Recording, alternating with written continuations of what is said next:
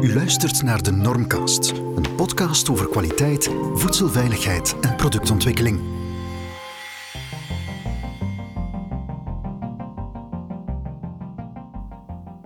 Goedemiddag luisteraars en welkom bij een nieuwe Normcast. Mijn naam is Jens Bouters en vandaag verwelkom ik Margot Leemans.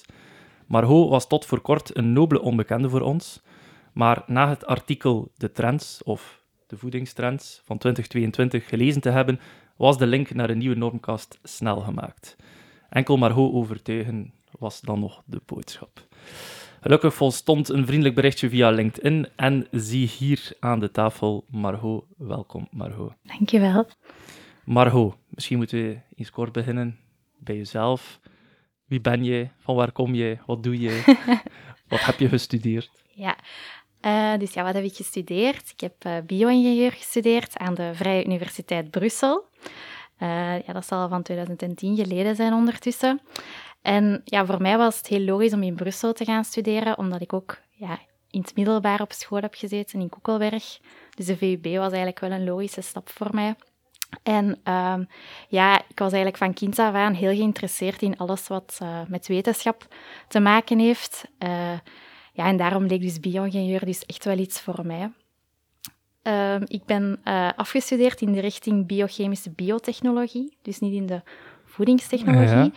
Maar ik heb wel tijdens mijn studie een aantal keuzevakken opgenomen uit die richting. En ik heb ook een stage gedaan bij Danone. Dus zo kreeg ik wel al een beetje feeling. Met Rotselaar. Ja, in Rotselaar, ja. inderdaad. Ja, ja. Um, ja, en dan na mijn studies uh, ben ik eigenlijk terechtgekomen bij het uh, Centrum voor Structurele Biologie uh, aan de VUB. En daar deed ik eigenlijk fundamenteel onderzoek naar een eiwit dat gerelateerd is met de ziekte van Parkinson. Dus ook nog altijd totaal iets anders. Ja.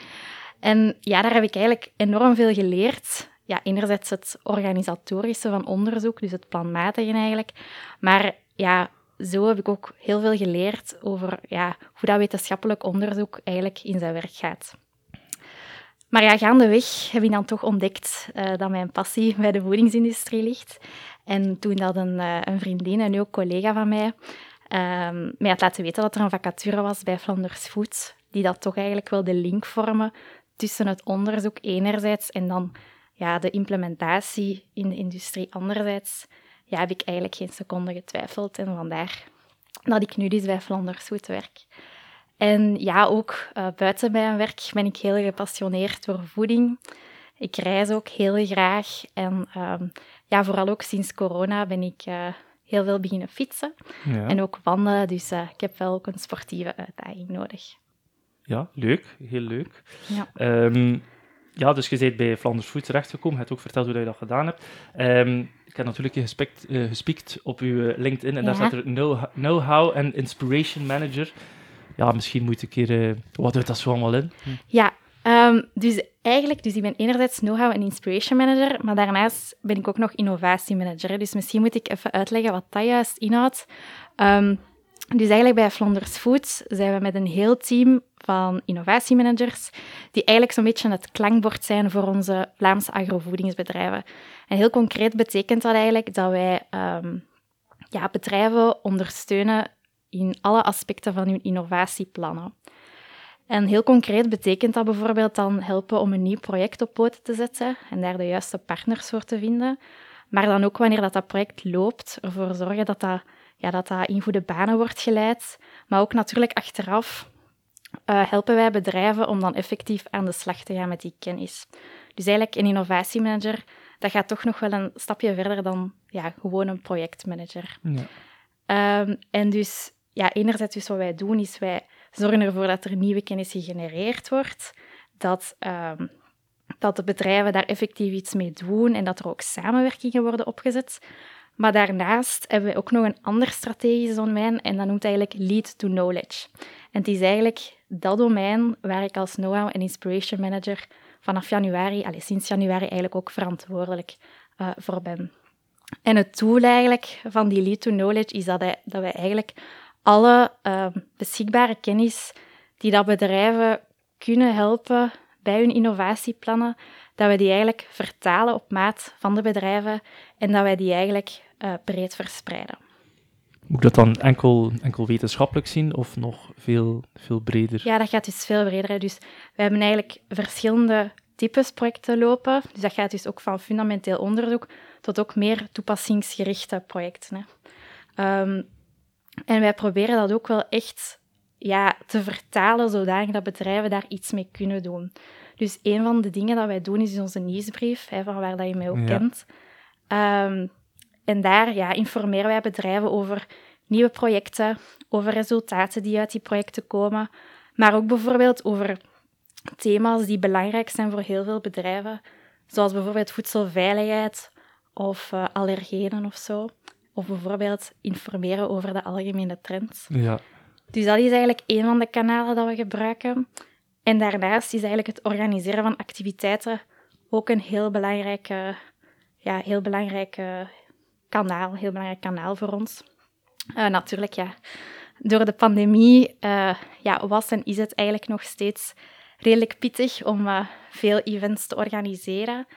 Maar ja, net zoals jullie hebben wij afgelopen jaar ook heel veel geleerd over ja, de wondere wereld van webinars en streamings en zo. ja, dus ja. ja, elk nadeel heeft ook zijn voordeel natuurlijk. ja, het doet u nadenken natuurlijk. Het is ja. dat, en je zoekt naar alternatieven.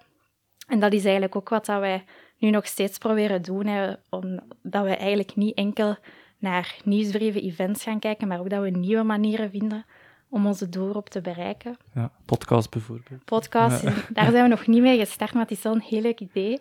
Eh, maar een ander voorbeeld is bijvoorbeeld dat wij sinds januari ehm, een eh Z-foodreeks hebben op kanaal Z, waar dat we dus eigenlijk elke donderdagavond een innovatieve samenwerking of project eh, in de picture zetten.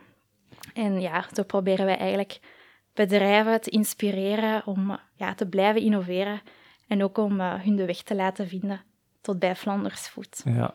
ja, die Kanaal Z, ik heb dat onlangs ook, ook tegengekomen, of een paar keer tegengekomen zelf. Het ging eerder over ehm, investeringen, ehm kansen. Ik denk dat Matthias Brouwais eh, meedeed van, van Win-Winner en de Harbor. Ja. Ehm, allee, of die ook een bepaalde reeks. En ik vraag me af, Kanaal Z, hoe bereikte dat? Hoe, hoe, ehm, allee, via online enkel, of, of ook op de Kanaal Z? Het klinkt lijkt een tv-zender, Ja, ja, dus- maar... Kanaal Z is een tv-zender. Hè? Ah ja, oké. Ja, dus die hebben echt een, een, een programma, eh, dus die broadcasten echt.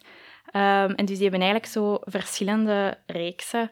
Je hebt zo Z-business, eh, industry en die hebben ook eentje, ja, op vraag van ons dan, Ja. samen met hen maken we een Z-foodreeks. Ja, bon. Dus rond de voedingsindustrie. Dus je komt op tv. hè? Ja, eigenlijk Ja, ik, ik kijk niet. misschien te weinig tv. Ja. Ja. Want ja, dat is eigenlijk een beetje mijn taak. hè. Dus eigenlijk alle collega's binnen Flanders Food helpen aan die kennisverspreiding. Maar als nou een inspiration manager probeer ik eigenlijk al die zaken wat te coördineren. Dus ja, Alright, en kun je die aflevering ook achteraf dan bekijken? Waarschijnlijk ja, wel. Ah, wel, ja. Dus ja, enerzijds op, eh, op de site dan van Kanaal Z, maar ook wij, allee, wij verspreiden die ook via onze social media en via onze website Ah, en zo. Dus oké. ja. Top. We zijn hier nu vandaag, hè, omdat ik, eh, omdat ik eh, het artikel ja, via, via mail uiteraard hè, doorgekregen had. En ik dacht, oké, ja, interessant, altijd interessant, hè, de ja. voedingstrends van, van 2022. Misschien moeten we er even op, op inzoomen. Mhm. Eigenlijk misschien, ja, hoe, hoe, hoe zei je tot die, ik denk dat het vijf trends waren, hoe zijn je daartoe gekomen? Of, allee, Ja. van, waar haal de, van waar haal je al je informatie? Mhm. Ja, dus eigenlijk doorheen het jaar proberen eh, alle collega's van Flanders Food eigenlijk een beetje vinger aan de pols te houden eh, bij wat dat er leeft in de sector. Hè. En we doen dat bijvoorbeeld enerzijds door naar de belangrijkste voedingsbeurten te gaan. Dat is echt wel een, een hele goede plaats om zo op de hoogte te zijn van de trends en wat dat er aan het gebeuren is in de sector. Eh, daarnaast gaan eigenlijk ook eh, alle collega's van Flanders Food regelmatig naar workshops en naar congressen, zodat we ook een beeld hebben van wat dat er zich aan het afspelen is op wetenschappelijk gebied. Want ja, in die end zijn dat wel de technologieën en processen die hopelijk daarna dan ook hun toepassing Ja. vinden in de industrie. En ja, altijd bij een, eh, bij een nieuwe eh, jaarwisseling, dan ehm, ja, doen wij ook een literatuuronderzoek naar wat dat de trendwatchers en zo grote marktonderzoekbureaus eigenlijk voorspellen qua trends. En die zijn dan eigenlijk gebaseerd op consumentenbevragingen. En zo weten wij eigenlijk ook wat dat er leeft bij de consumenten. En dan proberen wij eigenlijk al die informatie zo wat samen te vatten eh, in bijvoorbeeld een trendsartikel Ja. voor onze leden. Eigenlijk de combinatie praktijk en dan literatuuronderzoek en dan in het verlengde consumentenbevraging. Ja, Zo bekom je dan tot, eh, of zo ben je tot die vijf trends gekomen. ja, Ja. inderdaad.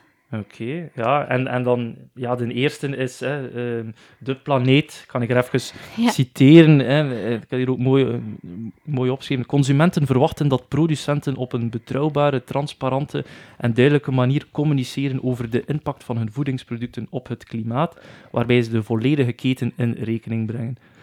Fantastische zin. Ja, Hè? En dan, eh, ik weet niet of je hem zelf geschreven hebt. eh, ja. Eh, ja. Ehm, maar hoe, hè, dus, allee, oké, de planeet, ik denk dat het woord duurzaamheid hier ook wel op zijn plaats Ja. is. Hè, dus we Ja. horen dat overal, dat zit sowieso in de lift. Hè, Ja. Ook doelstellingen tegen eh, 2030 eh, die dat eraan komen. Maar hoe gaan we dat nu, hoe gaan we dat nu doen? Mhm. Vertel een keer. Ja, dus het is zoals je zegt, hè, dus die klimaatverandering, dat is eigenlijk alomtegenwoordig nu. En ja, voordien, mensen vonden het vaak nog een ver van hun bedshow. Maar het is ook gebleken, de afgelopen zomers, we hebben in België zoveel te, te maken gekregen met extreme droogtes, maar ook met extreme regenval. Dus er zijn wel heel veel mensen die zoeken naar manieren om in hun dagelijks leven ook hun steentje daaraan bij te dragen. Eh, En dat, dat gaat bijvoorbeeld over heel kleine dingen, bijvoorbeeld wat vaker de auto te laten staan. Maar ook op voedingsgebied eh, is dat al te merken. Hè? Want ehm Fevia heeft een, marktonderzoek laten uitvoeren en daaruit is eigenlijk gebleken dat 40% van de consumenten ehm, gevoeliger zijn geworden voor de duurzaamheidsaspecten van de voedingsproducten dat ze kopen. En dat uit zich dan vooral in het kiezen voor, of vaker kiezen voor seizoensgebonden lokale producten, maar voor producten die, die minder verpakking hebben of gewoon ook een duurzamere verpakking hebben. Ehm, maar consumenten willen ook zeker zijn dat als ze een product kopen, dat dat dan ook effectief duurzamer is. En blijkbaar 6 op de 10 van de consumenten ja, vindt het zelf te moeilijk om dat te kunnen beslissen of dat dat productieproces nu effectief duurzaam is geweest. En ja, ze leggen dan ook die verantwoordelijkheid bij de voedingsproducent en bij de landbouwer om hen daarover te informeren. En een van die manieren om dat eigenlijk te doen, ja, dat is eigenlijk aan de hand van een label. En zo is bijvoorbeeld eh, de eco-score. Ja. Dat is eigenlijk, een, dat is eigenlijk zo'n label dat nu al gebruikt wordt. Maar natuurlijk, ja, je kunt die verpakking nog op andere manieren gaan gebruiken. Je bent wel beperkt in, het, eh, ja, in de omvang. De verpakking is niet oneindig groot. Maar je ziet dat nu al, op sommige producten staat er een QR-code. Eh, en consumenten kunnen die dan scannen en dan krijgen ze bijvoorbeeld informatie over de herkomst van dat product. Bijvoorbeeld over de landbouwer die hun groenten of fruit heeft geproduceerd. Ehm, maar ja, dat kan ook nog veel verder gaan. Hè. Er zijn al, al producten ehm, waar ze werken met augmented reality op hun verpakking. Dus dat je dan eigenlijk een foto kan nemen van je product. En dan ja, gebeurt er iets heel magisch. Dan kan je product eh, beginnen spreken en eigenlijk jouzelf vertellen waar het vandaan komt, welke stappen het heeft ondergaan. Dus dat is natuurlijk nog een stapje verder, Ja. maar dat zit er ook zeker aan te komen.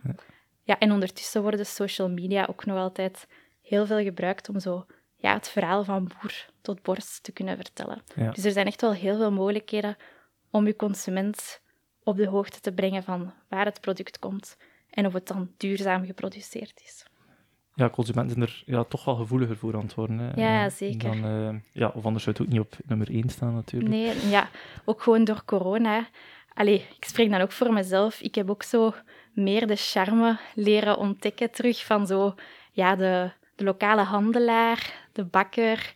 Hè, dus van meer van die eh, ja, kleinere, kleinere verkooppunten dicht in de buurt. Zodat je dan ook nog eens de ja, lokale handel steunt. Ja, ja. Dus ja, ja, dat sociaal hangt er dan ook eh, voor een stuk dat, aan. je ja. komt in contact met mensen, dus ja, dat is ook iets wat iedereen terug is beginnen herontdekken. Je bent ook niet zo afhankelijk meer van alles dat van het buitenland komt, want ja, met corona was dat Ja, ja, niet meer zo zeker. evident. Ja. Dus ja, nee, nee, zeker dat duurzaamheidsaspect eh, wordt eh, altijd maar belangrijker, ook voor voeding. Verwacht je dat hij volgend jaar nog op nummer 1 gaat staan? Goh, moeilijk te zeggen, maar ik denk het eigenlijk wel. Ja.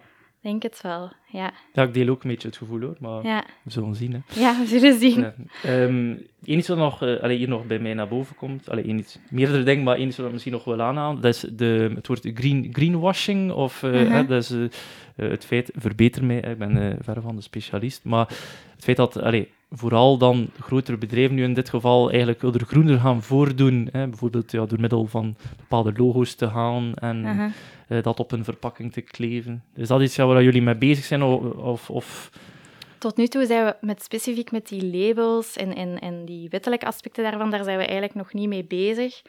Ehm, maar ik denk dan dat het vooral heel belangrijk is dat het transparant is voor de consument. Dus inderdaad, je kan heel veel verschillende dingen communiceren van ja, wij, wij zetten daarop in, wij zetten daarop in. Maar de consument wil echt weten van oké, wat doe je concreet en welk effect heeft dat uiteindelijk op mijn product. ja, Ik denk dat dat, dat, dat echt superbelangrijk is. wat is de impact van het, van het volledige product vanaf de start, eh, vanaf de farm to fork. Eh, en dat dan ook de verschillende stappen eh mee in rekening worden gebracht. Hè. Met die eco-score gebeurt dat al wel. Eh, maar natuurlijk, ja, als er manieren komen om, om al die dingen nog beter in kaart te brengen, dat gaat ja, de relevantie van zo'n score natuurlijk alleen maar ten goede komen. hè. Ja. Alright. Op nummer 2 stond de, de, de lekkere en eh, gezonde voeding, hè, de, Ja. de nummer 1 van vorig jaar. Ehm, ja, ik denk dan ook al direct aan de, aan de Nutri-score. Hè. Ja. Dus ehm, ja, is gezondheid dan plots minder belangrijk? Ik denk, dat ik zelf het antwoord al weet, maar bon. Hè, eh, Ja, ik denk niet dat dat minder belangrijk is, zeker niet. Ehm, maar ja, we moeten ook in ons achterhoofd houden. In 2020 eh, werden we geconfronteerd met het virus, waar dat we niks van wisten. En ja, in het begin konden we ons ook daar niet optimaal tegen beschermen. Nu nog altijd niet natuurlijk, Ja. maar toen nog veel minder. Eh, en dan lagen de, de consumenten echt wakker van de gezondheid van de populatie. Dat was prioriteit nummer één. En nu inderdaad zie je een beetje een shift dat de gezondheid van de planeet belangrijker wordt. Maar natuurlijk, ja, het is, het is, allee, we moeten in ons achterhoofd houden dat die twee wel onlosmakelijk met elkaar verbonden zijn. ja. Dus gezondheid van onze voedingsproducten, allee, ik bedoel, uitgebalanceerde voedingsproducten is nog altijd heel belangrijk. En dus ja, producten die een, eh, een uitgebalanceerd nutritioneel eh, samenstelling hebben, of die aangereikt zijn met bepaalde vitamine, mineralen, maar ook rijk zijn aan eiwitten, die doen het zeer goed en die gaan het ook nog lang goed blijven doen natuurlijk. Ehm, en wat ook opvallend is eigenlijk, dat ehm, er ook meer aandacht wordt besteed aan het belang van ons darmmicrobioom in onze algemene gezondheid. En je ziet dat ook wel, dat zo functionele eh, voedingsproducten, bijvoorbeeld bepaalde drankjes, die dan eigenlijk een positief effect hebben op Ja. onze darmgezondheid, dat die het eigenlijk heel goed doen. Dus dat is ook wel echt iets heel opvallend. De, ik ben nu aan het... eh, de Alcazei Immunitas... Ja, eh, ja, Bijvoorbeeld. ja, bijvoorbeeld. Ja, inderdaad. En ook vooral dan tijdens de coronapandemie eh, en in het begin, dan zochten mensen echt wel naar producten die hun immuniteit konden versterken. Ja, ja, Dus, zeker. ja. Ja, ja. Dus aangereikt met bepaalde vitamines en zo. Ja, dat was vitamine echt... D ook gewoon, hè, supplementen onder andere. Ja. Dan, Dus eh, daar gingen mensen echt naar op zoek. En natuurlijk, we hebben nu gezien hoe belangrijk dat het is om een goede gezondheid te hebben, omdat we dan weerbaarder zijn tegen van alles. Dus dat is zeker iets dat, dat gaat blijven. Ja. alright. Op, ehm, op nummer drie vond ik persoonlijk een iets wat, vre iets wat vreemdere ehm, eh, trend. Dat was eh, vreemd. Hè? Ehm. Ik weet niet of het een nieuwkomer is of niet, maar de consument wil graag meer betrokken zijn. Hè? Klinkt, klinkt wel eens logisch, maar ik denk dat ik wel vreemd vind van ja, hoe, hoe gaan we daar nu in slagen eh, om dat te doen? Want ja, ik zie de consument niet echt naar de, naar de Danone-fabriek in Rotselaar komen om te zeggen wat ze graag zouden eh, Mhm. morgen in de winkel raken. Mhm. Ik denk dat het zo eenvoudig niet is, maar... Nee, het is niet zo eenvoudig, maar er zijn wel oplossingen eh, om dat te bekomen. hè. Dus inderdaad, de consumenten hebben aangegeven dat ze dus ja, wel liever wat meer betrokken worden om bijvoorbeeld hè, een nieuwe smaak of een nieuw product te ontwikkelen. Maar het kan ook veel breder gaan hè, bij een hele strategie van een bedrijf. En ja, daar zijn al voorbeelden van. Hè. Soms is er een voedingsbedrijf dat een aantal smaken in de markt zet en dat dan eigenlijk daarna post bij de consument van oké, wat vonden jullie nu het lekkerst? En het product dat dan de meeste stemmen krijgt, dat gaat dan blijven in het gamma. Dat Ja. is eigenlijk een, een voorbeeld van co-creatie. Is dat je dus samen met de consument gaat werken aan je product. En dat is dus één manier om dat te doen. Dus gaan polsen naar wat vinden ze het lekkerst. Maar je kunt ook veel verder gaan. Hè. Je kunt bijvoorbeeld via co-creatiesessies, waar dat je dus ja, een, een, een consumentengroep, hè, dus breed eh, verspreid over de verschillende Die toch naar de fabriek komen. ja, naar de fabriek of naar, eh, naar eh, ja, een andere locatie natuurlijk. En waar dat je dus echt mee in interactie gaat en die dus echt zelf met ideeën op de proppen laat komen van oké, hoe zien jullie nu hè, dit nieuwe concept, een nieuw product? En ja, dan kunnen ze echt mee aan de basis liggen van nieuwe producten. En ja, zo kunnen ze echt wel... Allee, zo weet je niet alleen wat er hun voorkeur is, maar dan kom je ook veel meer te weten over hun, hun manier van denken en ja, welke overtuigingen liggen daarachter. En dat is eigenlijk echt wel hele waardevolle informatie voor een bedrijf om dan in die end een product op de markt te zetten ja, wat dat echt aanslaat. Hè. Ja. Zijn er al zo producten waarvan dat je nu kunt zeggen, ja, kijk, dat is door middel van co-creatie ontstaan? Of... Ja, ik denk dan bijvoorbeeld, was dat niet bij, bij Lees ook, dat er zo, ehm, dat was dan misschien ja, een minder vooruit van echt co-creatiesessies, maar die dus eigenlijk verschillende smaken hadden op de markt gebracht, of zelf ja, eh, consumenten met een idee laten komen van, hey, zou je niet eens eh, chips met deze smaak op de markt Ja. Dus ik denk dat dat wel bij, allez, bij Lees bijvoorbeeld al is gebeurd. Maar ja, ook veel andere bedrijven gaan daar nu mee aan de slag, hè, die dus echt wel... ehm, Ja. En die komen daar niet altijd dan vooruit met een campagne, maar die, ja, die maken dat echt deel, eh, die laten dat echt deel uitmaken van hun strategie. Van een R&D-proces ja, dan ook. Ja. eigenlijk wel. Dan, ja. eh, Oké, ja, dat is wel Ja. interessant. En dan... eh, Oké, ja, dan gaan we het... eh, dat vlak voor de consument. Op, op plaats 4 hebben we eh, technologie en de, de artificiële intelligentie, digitalisatie, automatisatie, ja, n- ja, noem maar op. allemaal heel bekende woorden. ja. Ehm, maar ja, concreet stel ik mij dan hier ook weer de vraag van, ja, ehm, hoe, hoe, hoe dragen we daar dan bij? Hoe, Mhm. hoe is dan een trend? eh? Ja. Wel, we zijn er eigenlijk van overtuigd dat digitalisatie en, en automatisatie van je processen, dat dat eigenlijk ja, bedrijven kan helpen om bepaalde uitdagingen waar ze elke dag mee te maken hebben, om die beter te kunnen aangaan. hè. Want een productieproces, dat moet flexibel zijn, dat moet efficiënt zijn, nu ook heel duurzaam. Voedselveilig. En voedselveilig Ja. vooral. Dus het gaat ook vooral over kwaliteit, maar ook over efficiëntie. En eigenlijk bij Flanders Foods ja, zetten wij daar al vele jaren op in om die digitale transformatie van onze voedingsbedrijven eh, te versnellen. Ehm, ja, natuurlijk, zo'n digitale transformatie, dat houdt enorm veel in. Hè. Dat kan gaan van ja, het ontwikkelen en implementeren van, van sensoren die dan op verschillende momenten in je proces bepaalde parameters heel nauwkeurig kunnen meten.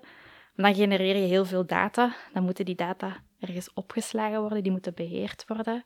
En dan in het ideale geval doe je ook effectief iets met die data. Hè. Dan ga je die gebruiken om bijvoorbeeld processen aan te sturen en om echt ja, proactief eh, bepaalde eh, beslissingen te kunnen nemen in je proces. En dat gebeurt dan bijvoorbeeld via eh, machine learning en, en AI ook. Ja.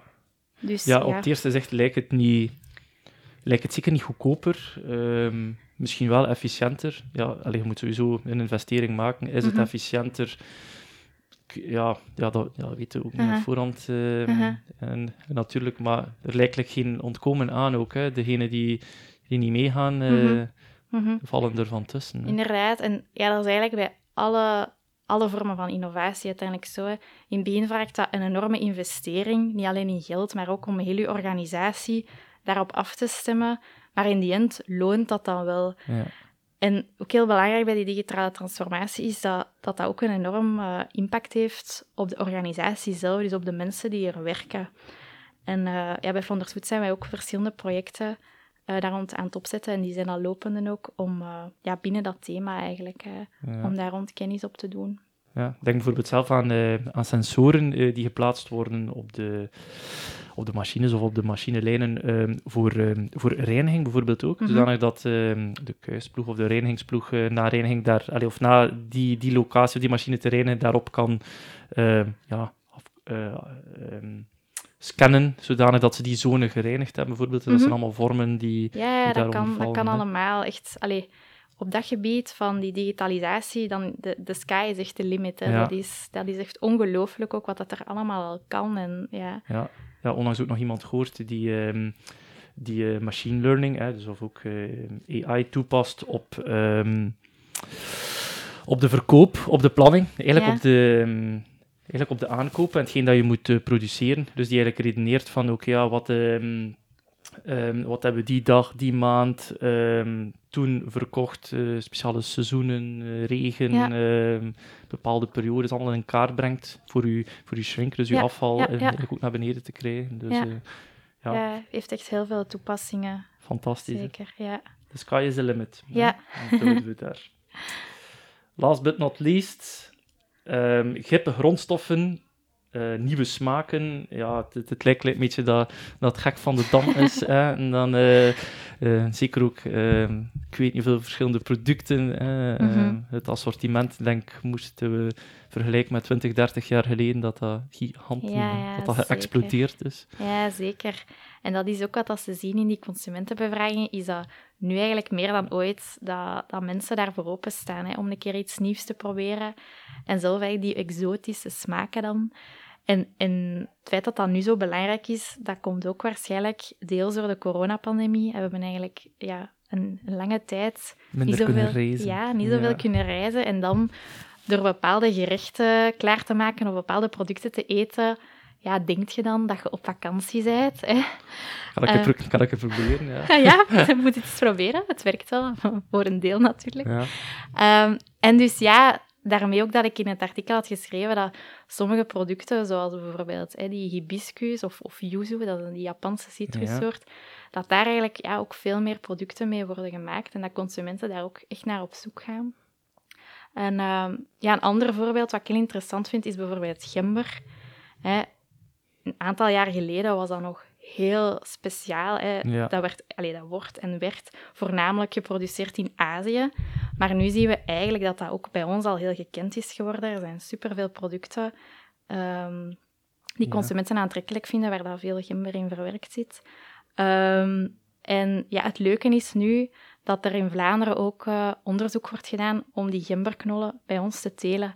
Dus dan, allee, dat is het beste van twee werelden. Hè? Ja, dat je ja. eigenlijk een exotische, interessante smaak hebt die dan nog eens lokaal geproduceerd kan worden. Dat denk ik dat dat echt de toekomst is. Want ja, enerzijds heb je dus de exotische grondstoffen hè, die aan populariteit winnen. Maar ik denk toch nog altijd dat ehm, ja, een belangrijke rol is weggelegd voor, voor plantaardige grondstoffen die ons een meerwaarde kunnen bieden op vlak van duurzaamheid, gezondheid, omdat dat ook wel ja, sterk aanluidt bij al die trends dat we nu juist aan het overlopen zijn. Ja. Ehm, bij Vlonders hebben we ook het eh, Crop Explore. Dus eigenlijk Crop Explore. to explore the crops. Ja, ja.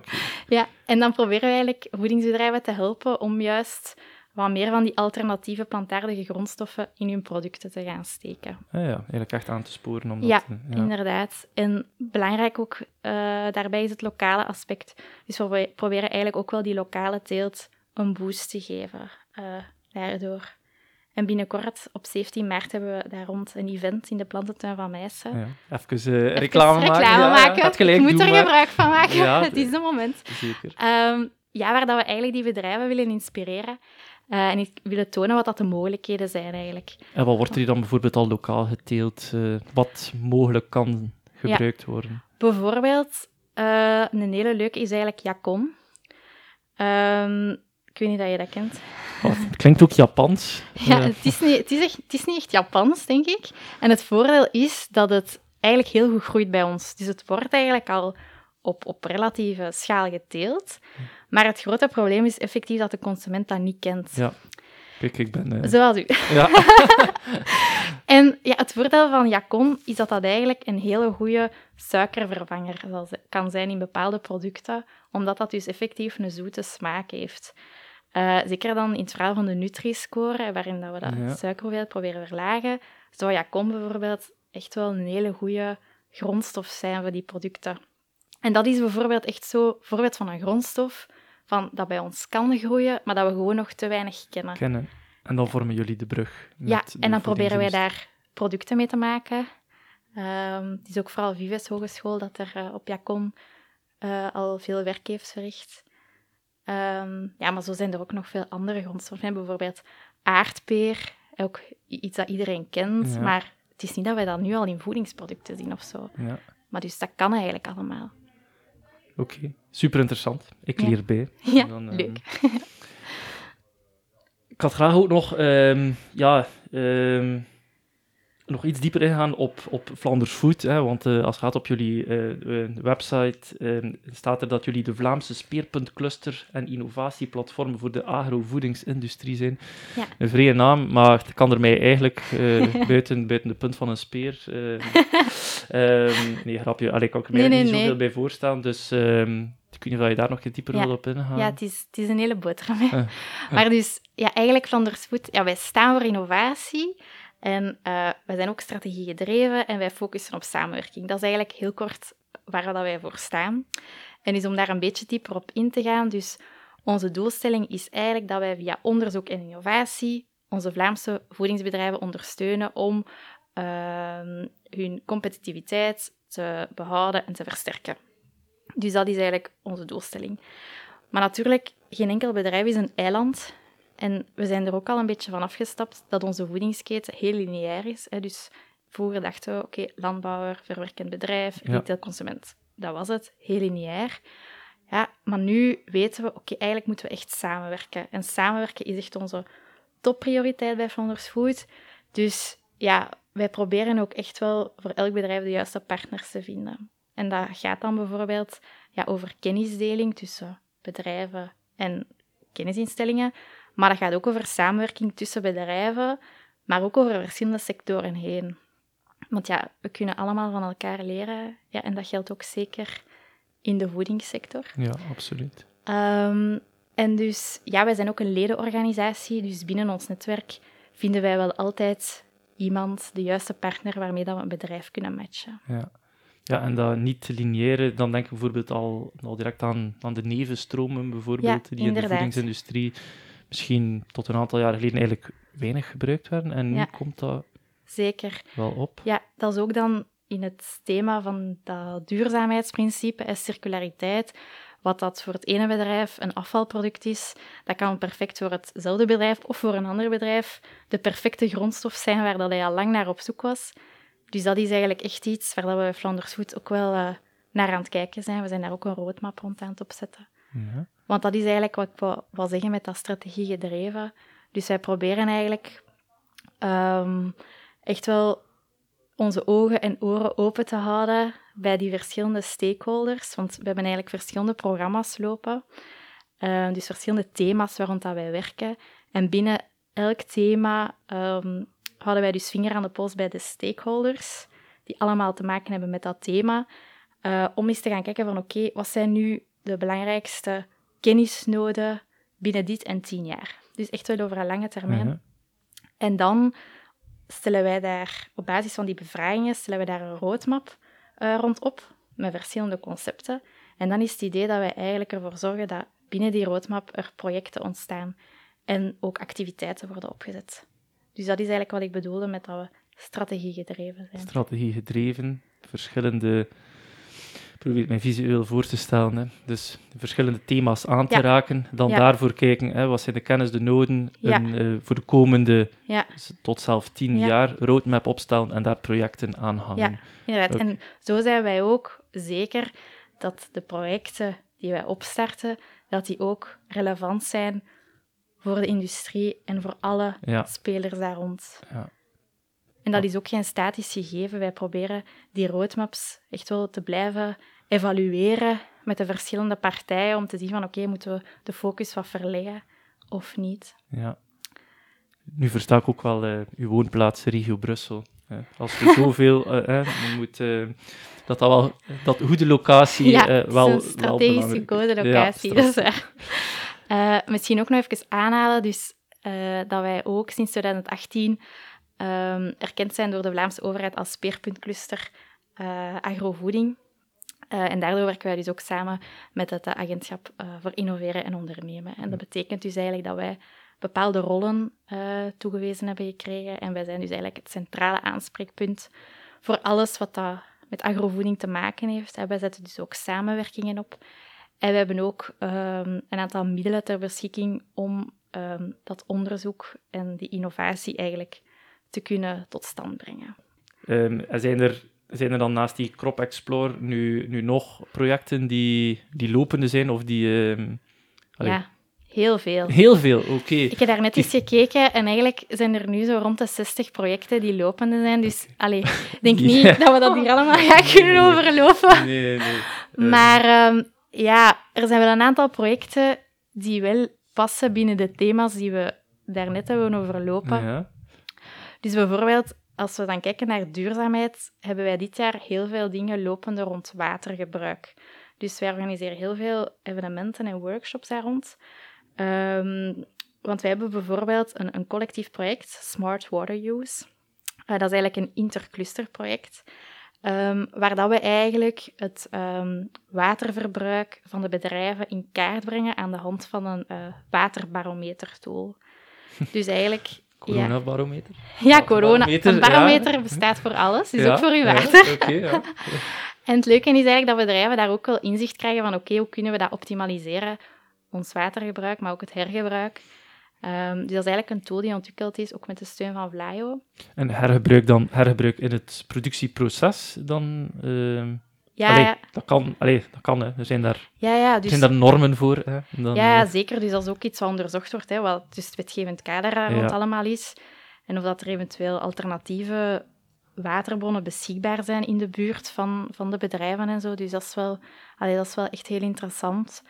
Um, dit jaar zijn er ook een drietal verpakkingsprojecten gestart, die echt gaan rond, um, rond hernieuwbare verpakkingen, dus recyclage. Ja. Um, dat is ook weer met de steun van Vlaio en ook met EFRO. en ja, wat je daarnet ook zei, die nevenstromen, dat is eigenlijk, we hebben, we hebben daar al een aantal projecten ontlopen, maar ook dit jaar gaan we ook een roadmap nevenstromen uh, ontwikkelen. Dus daar zijn we volop bezig met de bevragingen, om dus zoals we daarnet ja. hebben besproken, om ook echt daarvoor zo'n lange termijn strategie uit te tekenen. Ja. En wat zijn daar dan nu de, de, de nevenstromen die, uh, die belangrijk zijn of die, of die nu op bovenste plankje liggen? Oh ja, eigenlijk, dat is heel moeilijk om dat heel specifiek te benoemen. Dat, dat is eigenlijk afhankelijk van bedrijf tot bedrijf. En ja, in die roadmap is het ook de bedoeling om te gaan kijken van oké, wat zijn als we gaan werken met nevenstroom, wat zijn daar nu juist de moeilijkheden ja. in? Dat kan bijvoorbeeld logistiek zijn. Hè? Dat, ja. dat is, ja, dat is logistiek ook of ook wetgeving. wetgeving. Ja. Dat zijn eigenlijk allemaal dingen die we nu dus in kaart proberen brengen. En dan gaan we daarna zien van oké, heel concreet kunnen we daar projecten rond opzetten om die uitdagingen aan te gaan. Ja. Ja, dus eigenlijk in dat thema van gezondheid um, zijn we in januari uh, gestart met het Profunu-project. En dat, is, ja, dat hebben we eigenlijk nog niet besproken. Um, maar als we denken aan gezondheid, dan denken we eigenlijk ook aan de eiwittransitie. Um, plantaardige eiwitten. Ja, plantaardige eiwitten. En je ziet dus eigenlijk dat er ja, steeds meer flexitariërs komen. Dus mensen die heel bewust minder dierlijke producten eten, ja. zonder dat dat helemaal afgezworen wordt. Um, en eigenlijk die flexitariërs die gaan dan vaak op zoek, wanneer dat ze geen vlees eten, naar producten die qua smaak en textuur toch wel heel sterk dat vleesproduct benaderen, omdat ze het dan eigenlijk ook gewoon op dezelfde manier kunnen klaarmaken in dezelfde gerechten. En we zien dat nu ook. Ik heb het uh, persoonlijk soms zelf niet meer door of dat het. Uh, Nee, dat denk is ik zo. dat het, dat het vlees Ja, is of was en het niet was. Ja, Maar- inderdaad. Er zijn echt wel heel goede producten op de markt. En ehm, ja, tot voor kort was het voornamelijk soja gebaseerd. Eh, maar nu zien we daar ook wel een shift dat er meer alternatieven gezocht worden. Ja, enerzijds uit duurzaamheidsoverwegingen. Ja, ja, ja, ehm, ja, zeker. Ja. Maar anderzijds ook ja, omdat het dan allergeen is. Dus ehm, ja, steeds meer producten zijn gebaseerd op, eh, op erwten, of kikkererwten of andere peulvruchten, ja. of quinoa. Allee, er wordt echt wel heel veel, ehm, heel veel nieuwe dingen uitgetest daarmee. Ehm, en ja, eigenlijk, dus dat zijn dan die vleesanalogen. En die eiwitten dat daarin zitten, ja, die worden wel... ehm, allee, die ondergaan eigenlijk verschillende verwerkingsstappen. Tot wanneer dat ze eigenlijk in het finale product terechtkomen. En tot nu toe is er eigenlijk nog nooit echt onderzocht geweest wat effect dat die verschillende stappen hebben op de kwaliteit van het eindproduct en ook op de gezondheidseffecten. En dat is eigenlijk wat we in het project ProFu willen onderzoeken. En daar gaan we ook echt een objectieve vergelijking maken met vlees. Wat dus ook wel echt ja, heel interessant is. Uh, ja, absoluut. Om te weten. Sowieso heel de vleesindustrie. Allee, ja, ja. Nee, nee, ik denk maar uh, allee, aan vlees bijvoorbeeld, allee, die het mineralen, uh, die het vitamine A, D, E en K bevat, mm -hmm. dan, ook, ja, ik kan dat misschien toevoegen ook of zo, alhoewel, die zijn dan vet oplosbaar, dus dan mm -hmm. misschien ook niet altijd even makkelijk, dus er zijn wel serieus wat, wat uitdagingen daar. Is dat. Ja. Allee, vlees krijgt heel vaak een negatieve connotatie, maar uiteindelijk mogen we niet vergeten dat dat nog altijd een belangrijke bron is van eh, veel vitamine en mineralen. Ja. Dus die net vooral ja, belangrijk is om een goed evenwicht ja. daartussen te vinden. Hè. Ik ben persoonlijk ook meer fan van dat evenwicht, maar ja, dat is dan persoonlijk. Ja. Um, nee, leuk, interessant. Ik, ik denk okay. dat ik het kan samenvatten met uh, The Sky is the Limit of ja, zoiets. Ja, hè? en dan, uh, inderdaad. Um, waar gaan we naartoe de komende jaren? Ja, dat is, ja, het is echt The Sky is the Limit. Hè. Mm -hmm, uh, inderdaad, er staat heel veel te gebeuren dit jaar, dus heel fijn. Ik vond het um, super interessant, zowel... Ik heb meer geleerd over jou, okay. ook over de voedingstrends en ook over Flanders Food en ja. de lopende projecten. Dus ik zou zeggen, bedankt. Okay. Uh, ik hoop dat onze luisteraars het ook Oké, okay. uh, u bent interessant bedankt. vonden. Ik hoop het ook. Oké, okay. en misschien tot de volgende keer. Ja, tot de volgende keer. Dank u wel. Bedankt voor het luisteren naar deze Normcast. Bezoek zeker onze website www.amnormand.be voor blogposts, boeiende artikelen en uiteraard onze podcasts. Of volg ons via de gekende mediakanalen.